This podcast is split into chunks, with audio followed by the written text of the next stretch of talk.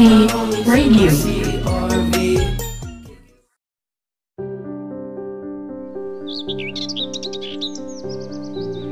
Ngopi, ngobrol pagi.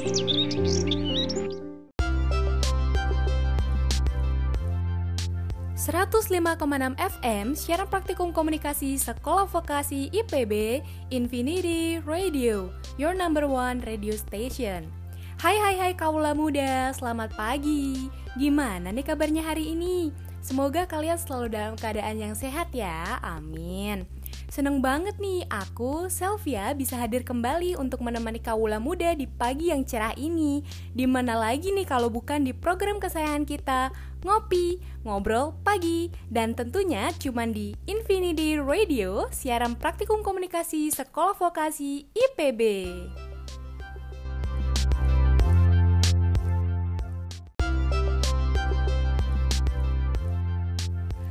Kaulah muda, seperti biasa nih, kali ini aku bakal nemenin kalian selama 60 menit ke depan di edisi Rabu 28 Oktober 2020. Di edisi kali ini aku bakal ngebahas tentang toxic relationship. Mengingat belakangan ini banyak banget orang-orang yang curhat di sosial media mengenai hal ini. Jadi jangan ke mana-mana ya kaulah muda Oh iya kawula muda, aku mau ingetin kalian nih untuk tetap mematuhi protokol kesehatan. Kalau nggak mendesak banget, usahakan tetap di rumah ya. Tapi kalau mendesak, jangan lupa pakai masker, cuci tangan, dan pastinya juga jaga jarak dengan orang-orang sekitar. Soalnya kalau kawula muda nggak patuh nih sama protokol kesehatan, nanti kan kita-kita sendiri kan yang rugi. Kaula muda pasti pengen banget kan cepet hidup normal seperti biasanya.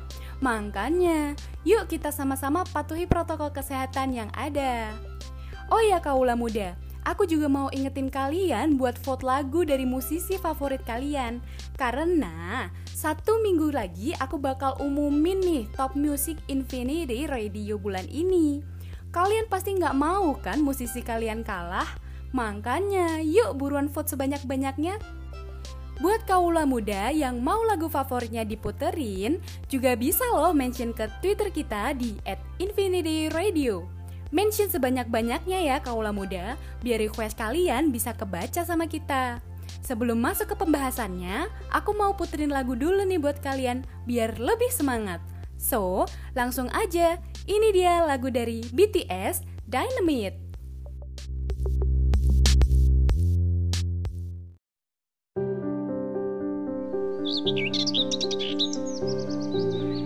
Ngopi, ngobrol pagi.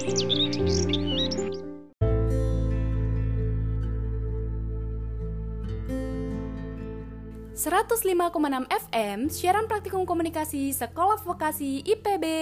Hai kaula muda, balik lagi nih sama aku Selvia di program kesayangan kita, Ngopi, Ngobrol Pagi.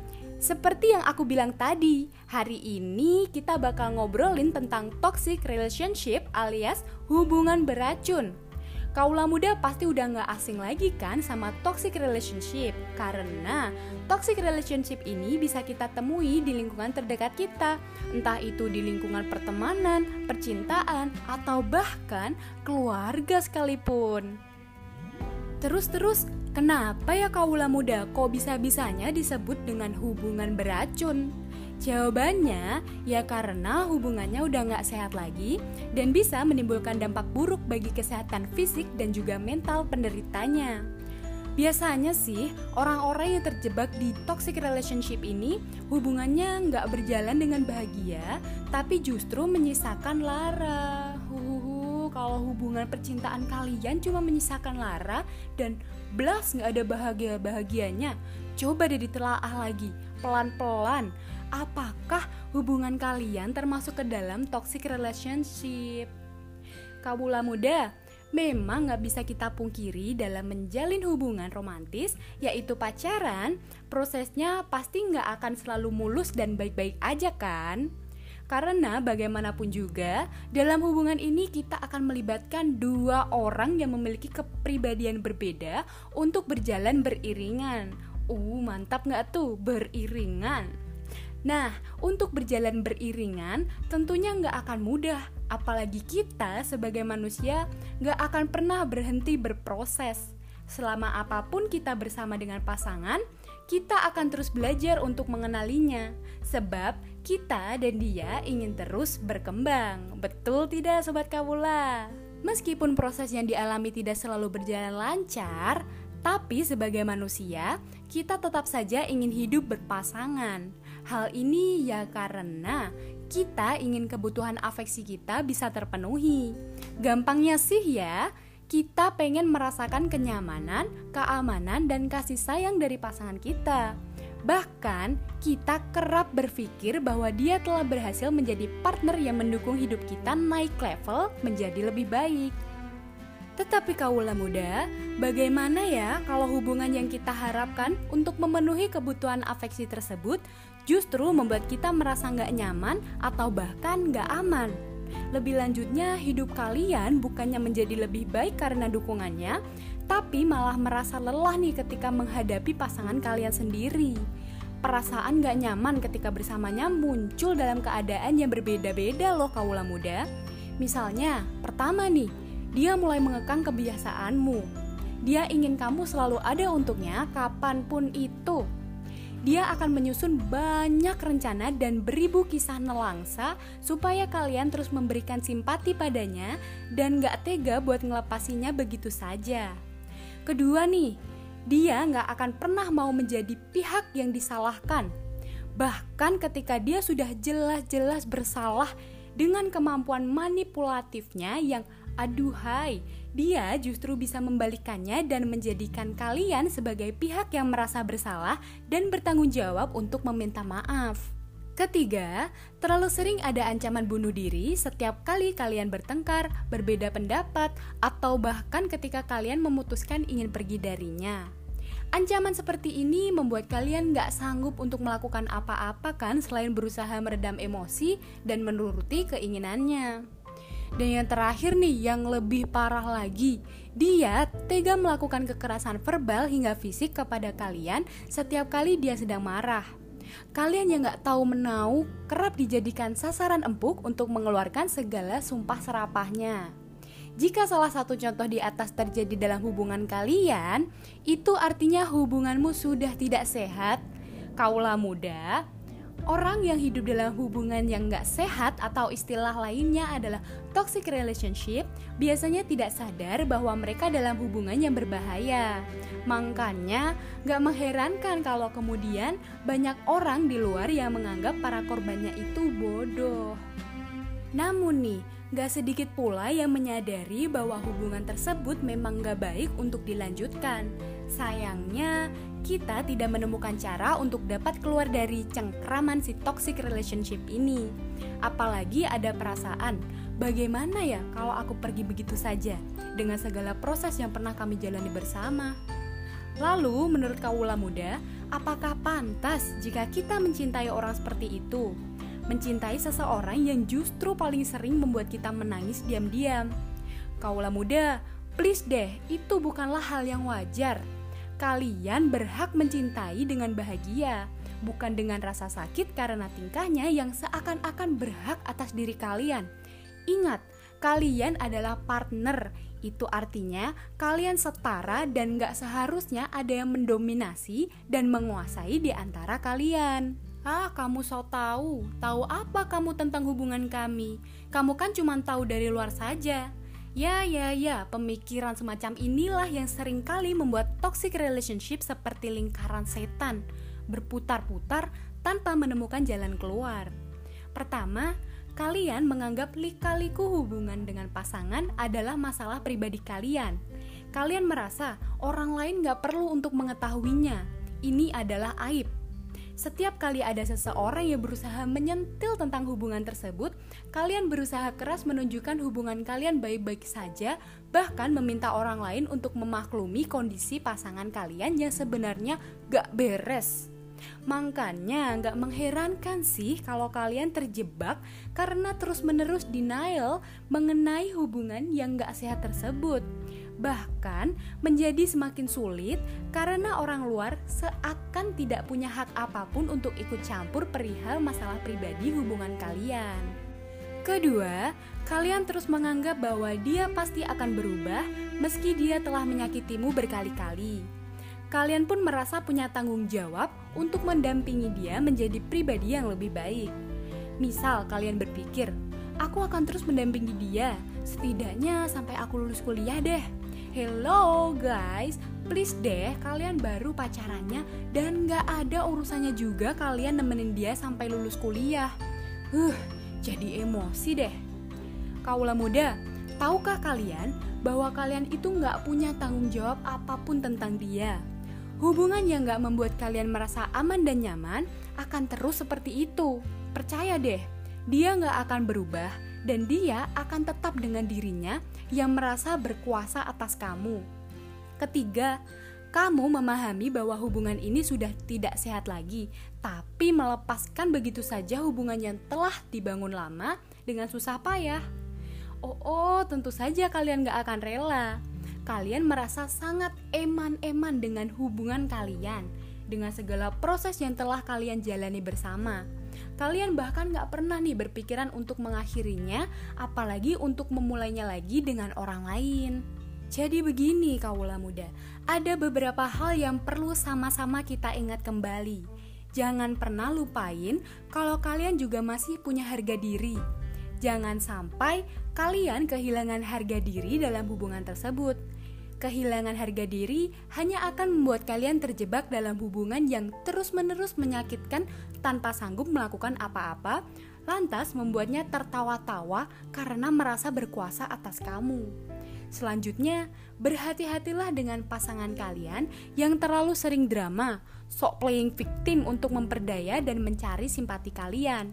Jangan terlalu mudah percaya dengan kelemahan yang dia buat-buat, karena itu hanya taktik untuk membuat kalian stay dan tidak pergi meninggalkannya. Apalagi nih, kalau dalam hubungan tersebut dia sering mengancam kalian untuk menyakiti dirinya sendiri, bahkan keinginannya untuk bunuh diri terlalu sering kalian dengar. Sudahlah kaulah muda, itu artinya kalian memang gak perlu lagi nih untuk bertahan dia lagi-lagi hanya sedang mencari simpati kalian. Lagian, bagaimana bisa sih dia akan menjagamu jika dengan dirinya sendiri dia tidak mampu untuk menjaganya? Selain itu, ketika dia terlalu sering melakukan hal-hal yang gak mengenakan kepada kalian, jangan mudah tertipu ketika dia meminta maaf dan berjanji akan berubah. Cukupkanlah dirimu menjadi manusia yang tidak pernah berprasangka dan menganggap semua orang baik adanya, Jangan mudah untuk memaafkannya. Percayalah, tidak sulit baginya merasa ketagihan dengan simpati yang kalian berikan, sehingga kejadian semacam itu akan terus-menerus berulang. Lantas, kalian justru masih nggak juga tega nih untuk meninggalkannya dan berharap dia akan berubah suatu saat nanti. Kaulah muda kesayanganku, gak ada loh yang betul-betul bisa berubah kalau itu telah menjadi karakter mengenai karakternya itu, kalian gak punya tanggung jawab apa pun untuk mengubahnya. Jadi, putusin aja lah, lalu mulai hidupmu yang baru. Hijrahlah dan ikutan Indonesia tanpa pacaran. Murah kok biaya pendaftarannya. Hehe, canda kaula muda, ampun. So, kaula muda, itu dia pengenalan tentang toxic relationship dari aku. Semoga bisa dimengerti ya.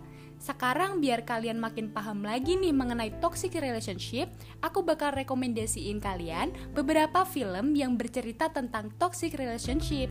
Pertama, datang dari film You. You adalah serial original Netflix yang dirilis pada tahun 2018 lalu. Mengisahkan seorang wanita yang didekati seorang pria yang tampak sempurna. Singkat cerita, mereka berpacaran, namun sang wanita akhirnya sadar ada hal-hal yang aneh yang melingkupi kepribadian sang pria. Film ini mendapat banyak audiens setia. Sayangnya, banyak pula yang mengidolakan sosok pria obsesif tersebut hanya karena ia tipe pria romantis. Hal-hal ini membuat produser dan aktor pun cepat-cepat mengkonfirmasi pesan yang sebenarnya hendak disampaikan agar penonton tidak salah tangkap. Karena pada dasarnya karakter sang pria tidak patut diidolakan, justru harus diwaspadai. Kedua, datang dari film Blue Valentine. Film yang dibintangi oleh Ryan Gosling dan Michelle Williams ini tampak indah di awalnya. Sepasang kekasih menikah dan membina rumah tangga, namun tak seindah film Hollywood. Hubungan mereka mulai memburuk dengan kesibukan masing-masing yang padat serta ego kedua pihak. Dalam film ini, penonton terbagi menjadi dua kubu. Ada yang menganggap si karakter wanita tidak rela berkorban seperti sang pria. Ada pula yang mengambil sikap netral bahwa ini adalah potret hubungan di era modern dengan tuntutan yang semakin banyak. Ketiga, ada film Gone Girl salah satu film drama psikologi yang sukses menghipnotis penonton. Seorang pria bernama Nick mendapati sang istri menghilang ke polisi. Ketika dilakukan investigasi dan penyelidikan, polisi justru curiga pada Nick dan mereka mulai merasa bahwa Nick mungkin telah membunuh istrinya dan menghilangkan jejak. Apalagi dikuatkan dengan surat dan jurnal yang ditulis sang istri, Amy. Namun, kisah ini tidak sesederhana yang dibayangkan banyak orang. Karena film ini mengungkap bagaimana seseorang bisa memanipulasi orang lain untuk mengikuti drama yang ia buat. Pokoknya benar-benar film yang bikin siapa pun gregetan deh. Keempat, ada film 500 Days of Summer. Film ini merupakan salah satu film yang mengundang banyak perdebatan. Dikisahkan, Tom memiliki rekan kerja baru bernama Summer yang menurutnya menarik. Mereka suka musik yang sama dan sering menghabiskan waktu bersama. Namun, suatu hari Summer menghilang dan menikahi orang lain. Lagi-lagi penonton terbagi jadi dua kubu nih. Kubu Tom yang merasa bahwa Summer telah memberinya harapan palsu dan mematahkan hatinya. Sementara kubu satunya menganggap bahwa Tom adalah platonic lover, yaitu seseorang yang baper pada kebaikan orang lain hingga merasa bahwa orang itu mencintainya. Jadi kaulah muda ada di kubu siapa nih? Dan yang terakhir ada film yang baru aja dirilis pada tanggal 23 Oktober lalu Judulnya Story of Kale. Kaulah muda pasti tahulah film ini. Kalau nggak tahu mah kudet banget sih kalian. Hehe, canda. Jadi, film Story of Kale When Someone's in Love ini mengangkat kisah masa lalu Kale dari film Nanti Kita Cerita Tentang Hari Ini atau NKTCHI. Story of Kale bercerita tentang Kale yang diperankan oleh Ardito Pramono yang menjalin hubungan asmara dengan Dinda yang diperankan oleh Aureli Moremans. Kale berjanji akan membuat hidup Dinda selalu bahagia setelah Dinda gagal dalam menjalani hubungan dengan kekasih sebelumnya. Kale bahkan berjanji akan memenuhi semua keinginan Dinda selama mereka bisa bersama. Namun dalam perjalanannya, hubungan mereka nggak berjalan baik sehingga pada akhirnya Dinda meminta putus secara tiba-tiba dan hal ini mengejutkan Kale. Film garapan sutradara Angga Dwi Masa Songko yang skenario-nya ditulis oleh Irfan Ramli mengangkat isu tentang toxic relationship atau hubungan asmara yang buruk antara pasangan. Hal itu digambarkan melalui kisah Dinda dengan kekasihnya sebelum dan saat bersama Kale. Sepanjang film, kaula muda akan diperlihatkan konflik antara dua karakter, yaitu Dinda dan Kale yang berusaha memberikan yang terbaik untuk pasangannya. Keduanya juga berupaya untuk saling membahagiakan, menyembuhkan luka, dan berdamai dengan trauma.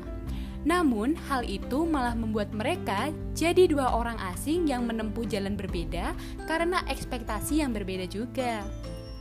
Kale yang merasa dapat menjadi kekasih yang lebih baik daripada pasangan Dinda sebelumnya, justru perlakuan yang diberikannya tak jauh berbeda.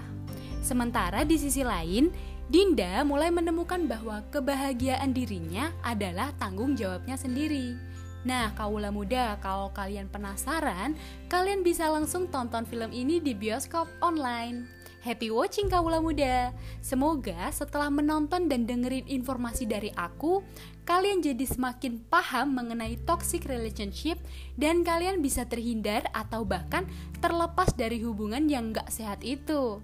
Jangan ke mana-mana kaula muda, karena abis ini kita bakal ngobrol-ngobrol lagi mengenai toxic relationship, Tapi sebelumnya, aku bakal puterin lagu yang bisa bikin nge-charge energi kalian. Langsung aja nih, lagu dari Ardito Pramono, sudah.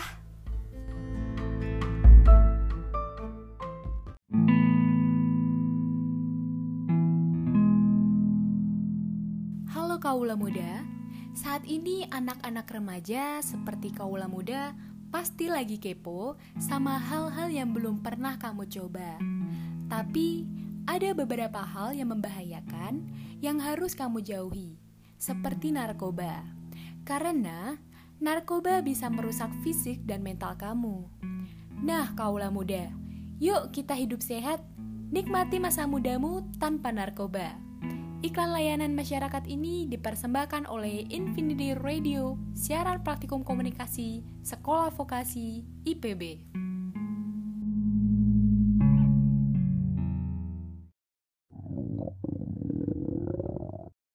Wah, pas banget nih lagi lapar. Peka banget udah bawa makanan. Idih, kepedean banget. Orang ini buat aku sendiri. Eh dah, bukannya nawarin. Emang itu apaan sih?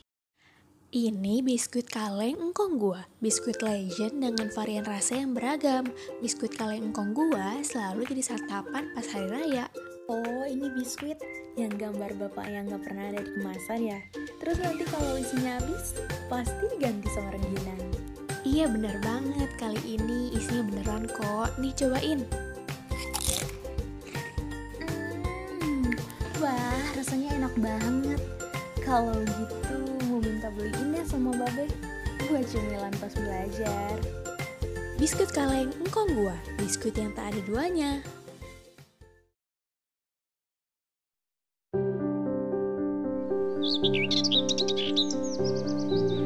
Ngopi, ngobrol pagi.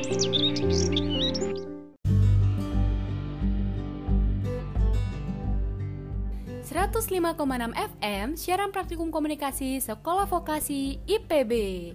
Kaulah muda, kalian semua pasti pengen kan punya kehidupan cinta yang romantis? Sama deh aku juga pengen. Tapi sayangnya, gak semua hubungan itu bisa berakhir bahagia. Kadang ada yang justru terjebak dalam hubungan yang gak sehat Dan bikin mereka gak bahagia. Kita bahkan rela mempertaruhkan kesehatan dan kebahagiaan kita demi menghabiskan waktu bersama dengan orang yang membawa kita ke dalam hubungan yang tidak sehat. Ingin lepas, tapi kadang semuanya terasa rumit dan membingungkan. Ya, karena di sisi lain kita takut ngerasa kesepian. So, guys, daripada galau, mending kita dengerin rekomendasi lagu dari aku biar kalian bisa semakin mantap dalam mengambil keputusan. Pertama, ada lagunya Selena Gomez, Lose You to Love Me. Lagu terbaru Selena Gomez ini memang diakui terinspirasi dari pengalaman personalnya. Melalui liriknya, Selena menunjukkan jika kita terkadang menyadari adanya red flag di awal hubungan, namun kita cenderung menyikapinya dengan menutup mata. Nah, karena tidak berani ambil sikap tersebutlah, kita jadi semakin tak berdaya secara perlahan. So, kaulah muda, sebelum semakin kehilangan jati diri, yuk kita lepasin doi biar kita bisa bahagia dengan jalan kita sendiri. Kedua, ada lagunya Dua Lipa, It Gav. Siapa sih di sini yang pernah dikontak lagi sama si mantan yang toksik? Entah sekedar bilang kangen atau mengajak mengenang hubungan kalian sebelumnya. Daripada terlena dan jadi gagal move on, yuk tiru sikap Dua Lipa yang dengan tegas menolak dan memberi batasan. Gak mau kan jatuh ke lubang yang sama untuk kedua kalinya? Ketiga, ada lagu dari Kelly Clarkson, Because of You. Kepercayaan memang menjadi unsur penting dalam menjalin hubungan. Tapi bukan berarti kita harus sepenuhnya percaya kepada pendapat negatif pasangan juga kaula muda. Ya, kalau kalian merasa ucapannya melemahkan dan cenderung memanipulasi, ambil langkah seribu bisa jadi pilihan kaula muda semua. Jangan sampai deh, karena hubungan tersebut kita malah kehilangan kepercayaan diri dan jadi skeptis dengan orang-orang sekitar yang sebenarnya suportif. Keempat, ada lagu dari Destiny's Child, Survivor. Lagu dari girl group Beyonce CS ini juga membahas tentang pasangan yang manipulatif.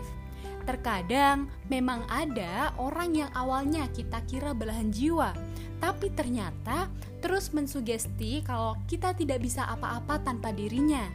Hubungan yang sehat kan harusnya saling mendukung dan memberi ruang untuk bertumbuh ya kaula muda. Bukannya kayak gitu. Huh.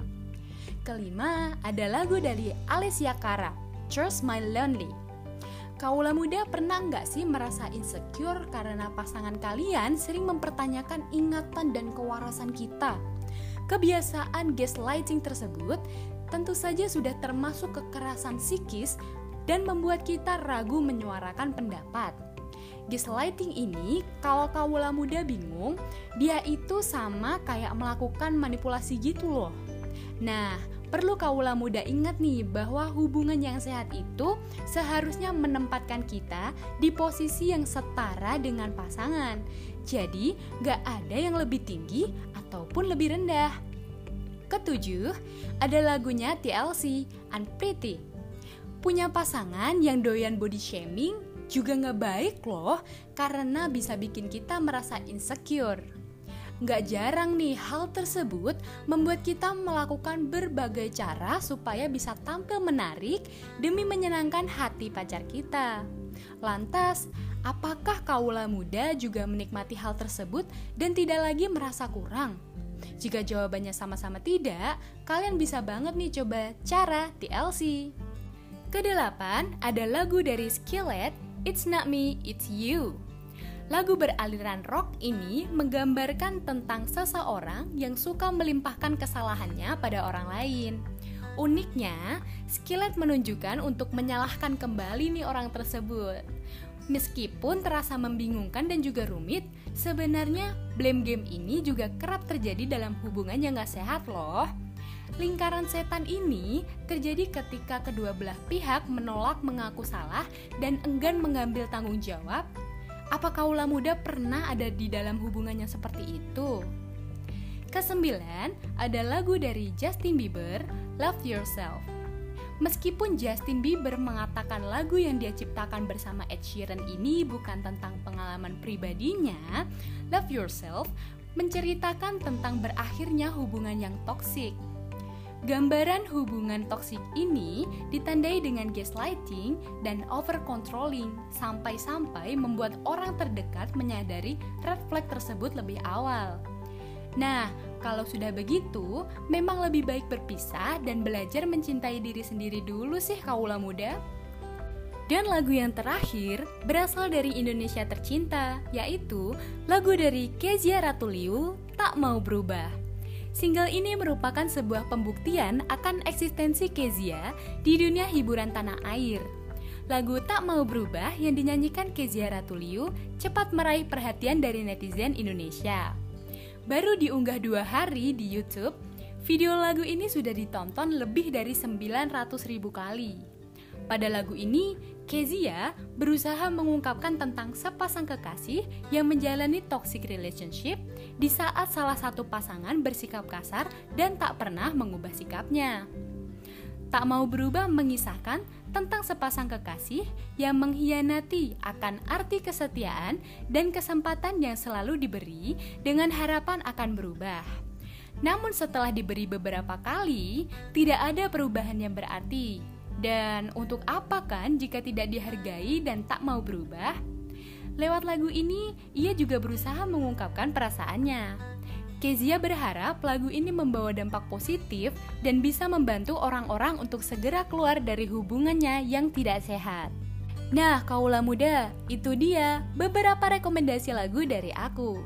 Jadi, lagu mana nih yang paling menggambarkan hubungan kalian? Semoga kalian segera bisa keluar dari lingkaran yang tidak sehat itu ya, kaula muda.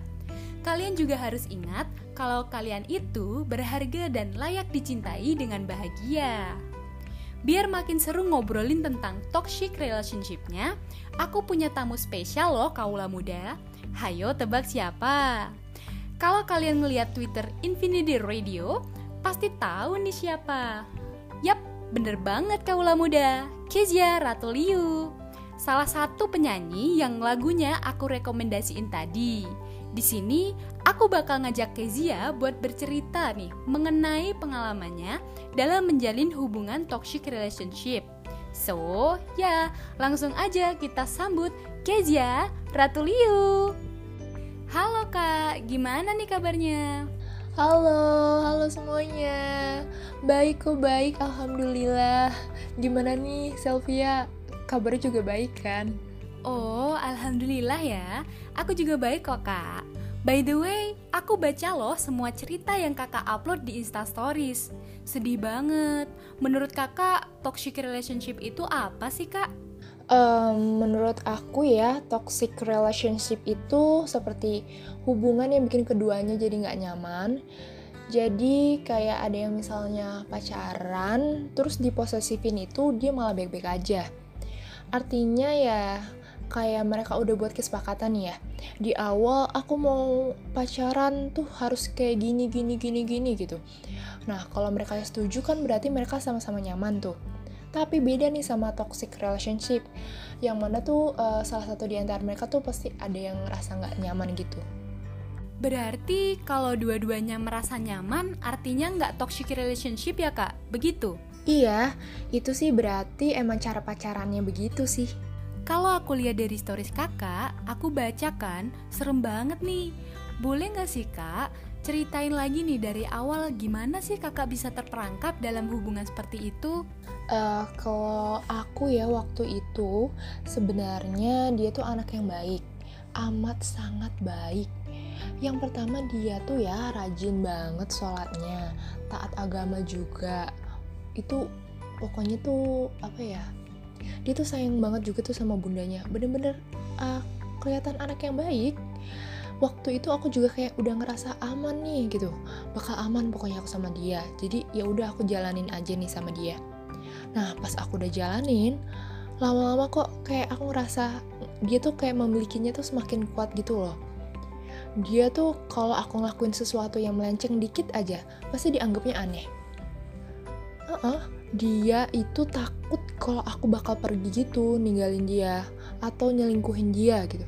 Ya mungkin dari situ tuh akhirnya kayak timbul abusifnya dia gitu kok. Abusifnya itu juga ada yang verbal dan fisik juga. Jadi yang pertama kali keluar itu justru fisiknya dulu. Jadi waktu itu tuh dia mukul aku. Hah iya kak? Pertama kali udah mukul? Iya iya udah. Udah mukul dia tuh itu kakak pacaran berapa lama dan pas bulan keberapa nih kak dia mulai mukul? Bulan ketiga atau bulan ke ke enam? Iya, iya, ya pokoknya uh, bulan ketiga atau bulan ke enam gitu deh. Hah? Sekitaran itu udah mukul kak? Udah, tapi tuh mukulnya kayak gini loh. Uh, kita lagi berdebat nih ya, terus udah aja kita mau layang tangannya ke muka aku. Nggak kenceng sih, tapi kayak ditampar gitu loh ngerti kan ya? Itu tuh kayak udah masuk abusif dong. Aku kaget sumpah. Wah iya sih kak. Pertama kali pasti kaget banget ya kak. Kaget kaget banget dong aku. Aku masih kayak ngerasa ini mimpi gak sih? Karena seumur umur aku tuh nggak pernah nerima perlakuan kayak gitu. Waktu itu aku disuruh pulang sama dia. Dia juga pulang nih ke rumahnya. Saat itu kita kan naik motor ya Nah, dia tuh di jalan ngancem-ngancem bakal bunuh diri karena dia tuh ngerasa bersalah. Aku simpati dong ya, aku udah gak mikir lagi soalnya. Karena yang aku pikirin kan cuman, aku tuh sayang gitu sama dia. Ya udah jadinya aku tenangin dia dulu, aku bilang ke dia, oke okay, sekarang tenangin diri dulu ya, aku bilang gitu. Terus aku nggak mau ngambil pusing ya, aku uh, aku tidur aja abis itu. Kalau boleh tahu kak, waktu itu tuh pemicu berantemnya apa sih kak? Berantem sepele aja gitu sel. Ya kayak kita beda berpendapat aja terus dia langsung mukul gitu. Tapi kan kalau kita beda pendapat karena masalah kecil nih biasanya kan melebar ke mana-mana kan ya? Ya itu jadinya kayak gitu.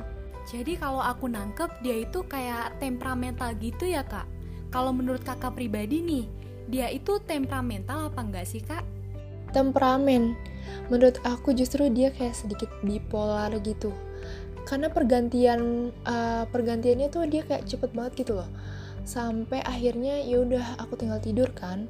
Eh besok paginya dia udah di depan rumah aku. Aduh, serem. serem ya serem banget emang. Jadi eh, dia tuh begging ke aku dia mohon-mohon ke aku terus dia minta maaf bla bla bla bla bla.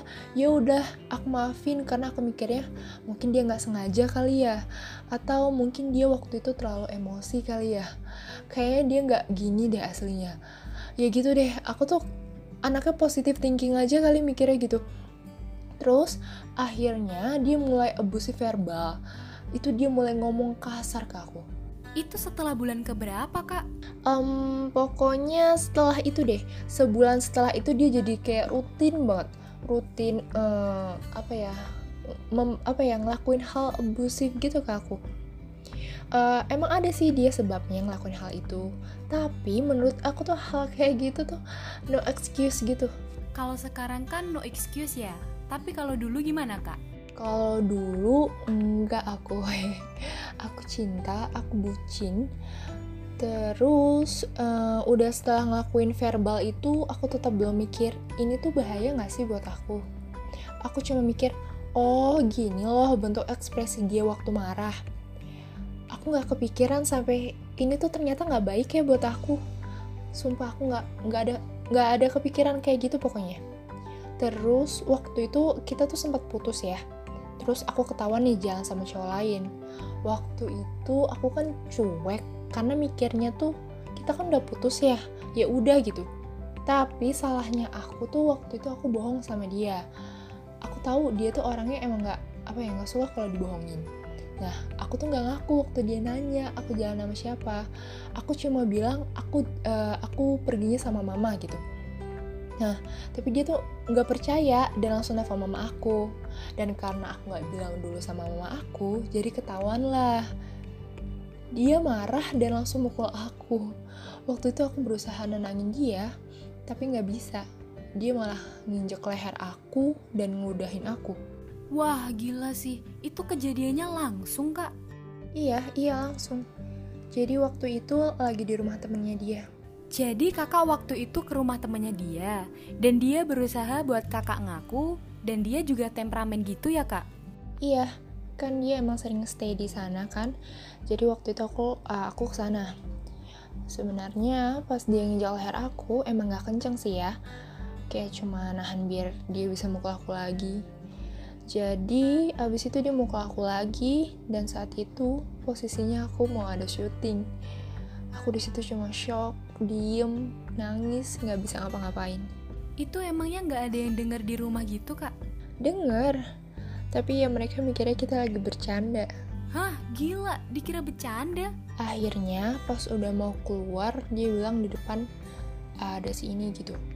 Pokoknya kamu harus nunjukin kalau kamu kelihatan baik-baik aja. Abis itu aku dibawa ke mobil, di mobil aku diludahin. Aku udah kata-katain, dibilang aku murahan lah, cewek yang gak bener gara-gara aku jalan sama cowok lain. Emang aku salah karena aku bohong. Dan dia emang paling gak suka kalau dibohongin.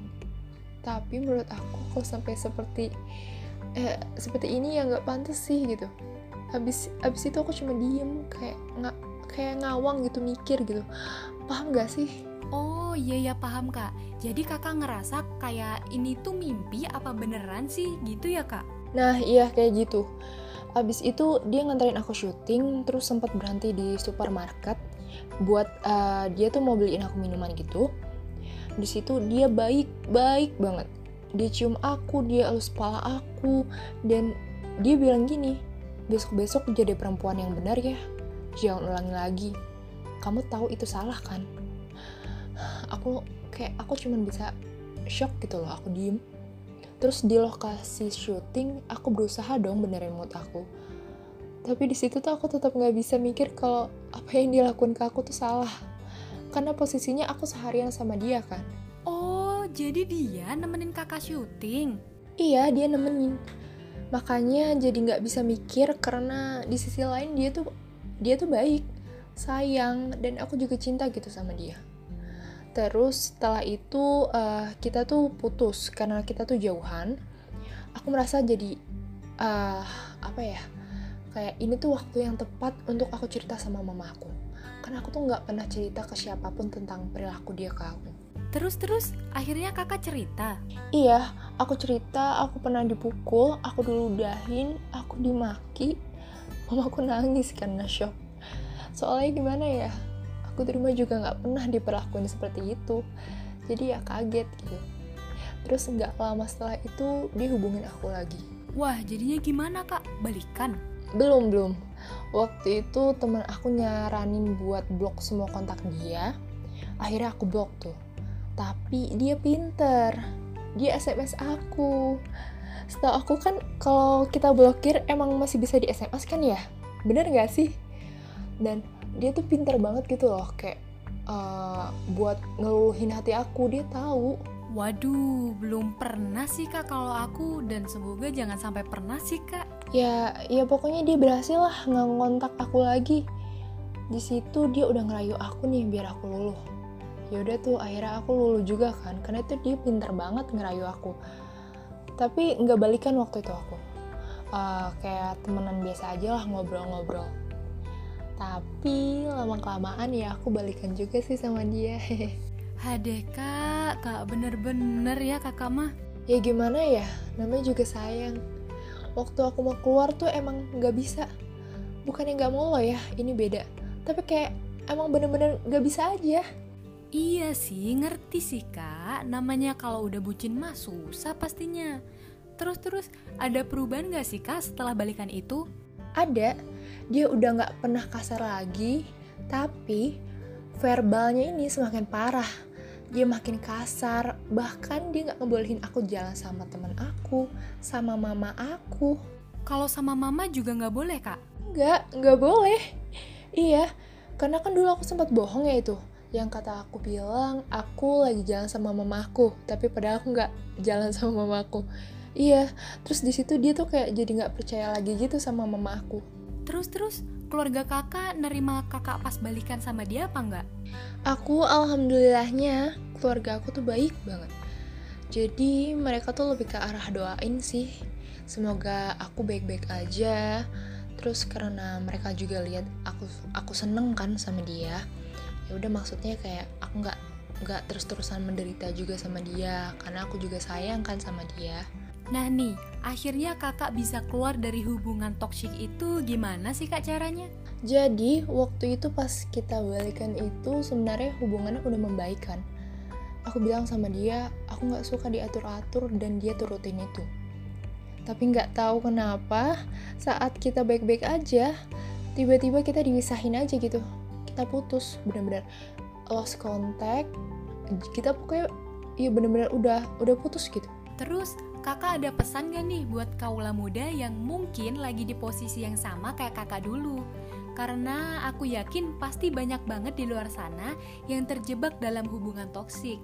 Teman aku sendiri nih kak, ada yang sampai dia tuh diancam fotonya tuh bakal disebarin sama cowoknya. Ada saran atau tips gak sih kak dari kakak yang berhasil keluar dari circle ini, apalagi bisa sampai ngeluarin single dari pengalaman kakak?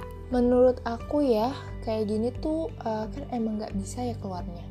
Dan susah banget gitu. Uh, jadi saran aku, kalau kalian lagi di posisi yang berantem hebat nih sama dia, di situ waktunya kalian cari perlindungan. Cari orang yang sekiranya bisa lindungin kalian lah. Lindungin di sini kayak yang lindungin biar kalian nggak ketemu lagi sama dia, nggak kontekan lagi sama dia. Kalau emang udah ketemu atau paling nggak kontekan deh uh, pasti bisa luluh lagi soalnya. Dan yang terpenting kalian juga harus bisa dan nahan buat nggak ketemu lagi sama dia. Mantapin diri kalian kalau kalian berhak dapat orang yang lebih baik lagi. Oh ya di sini aku juga mau ngomongin single aku ya yang judulnya tak mau berubah jangan lupa dengerin ya kalau muda Nah, aku setuju banget sih kak. Menurut aku juga gitu. Kalau mau keluar, paling nggak ya kita mantepin diri kita sendiri dulu sih. Jadi ya, buat kaula muda, itu dia pesan dan cerita dari Kak Kezia. Semoga bermanfaat buat kalian. Kalian ambil hikmahnya ya kaula muda, supaya hal-hal kayak gini nggak terjadi sama kalian. Buat kaula muda yang mau berbagi cerita mengenai hubungan toxic, kalian bisa banget nih DM di Twitter kita di @infinityradio. Insya Allah, DM kalian akan dibalas.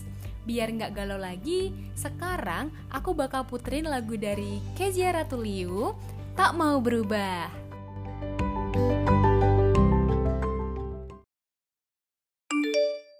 Aduh, padahal dikit lagi tamat episodenya. Kuota pakai habis segala lagi. Eh, minta hotspot dong. Dasar nggak modal, tuh udah dinyalain, satu jam bayar 10 ribu. Jangan gitu dong sama temen. Eh, kayaknya lagi banyak duit nih. Kuota nggak habis-habis udah dipakai drakoran seharian. Iya dong, makanya pakai kartu mencari. Ada kuota unlimited nonton video internet sepuasnya. Jadi nggak perlu takut kuota habis deh. Wah, kalau gitu mulai besok aku ganti kartu mencari juga deh. Kartu mencari, browsing lancar tanpa takut kuota habis.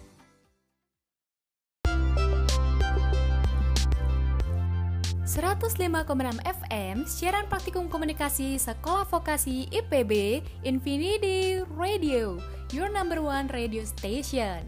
Wah wah, nggak kerasa banget ya kaula muda. Udah 60 menit aja nih aku nemenin kalian semua di pagi yang cerah ini. Sedih banget sih, aku, Sylvia harus undur diri dulu kaula muda semua. Semoga informasi-informasi yang aku sampaikan hari ini bisa bermanfaat ya kaula muda Jangan lupa, minggu depan kita ketemu lagi dengan informasi yang lebih menarik lagi. Jaga kesehatan ya kaula muda, dan jangan lupa untuk selalu bahagia dan mencintai diri sendiri. Sampai ketemu lagi kaula muda. Bye-bye.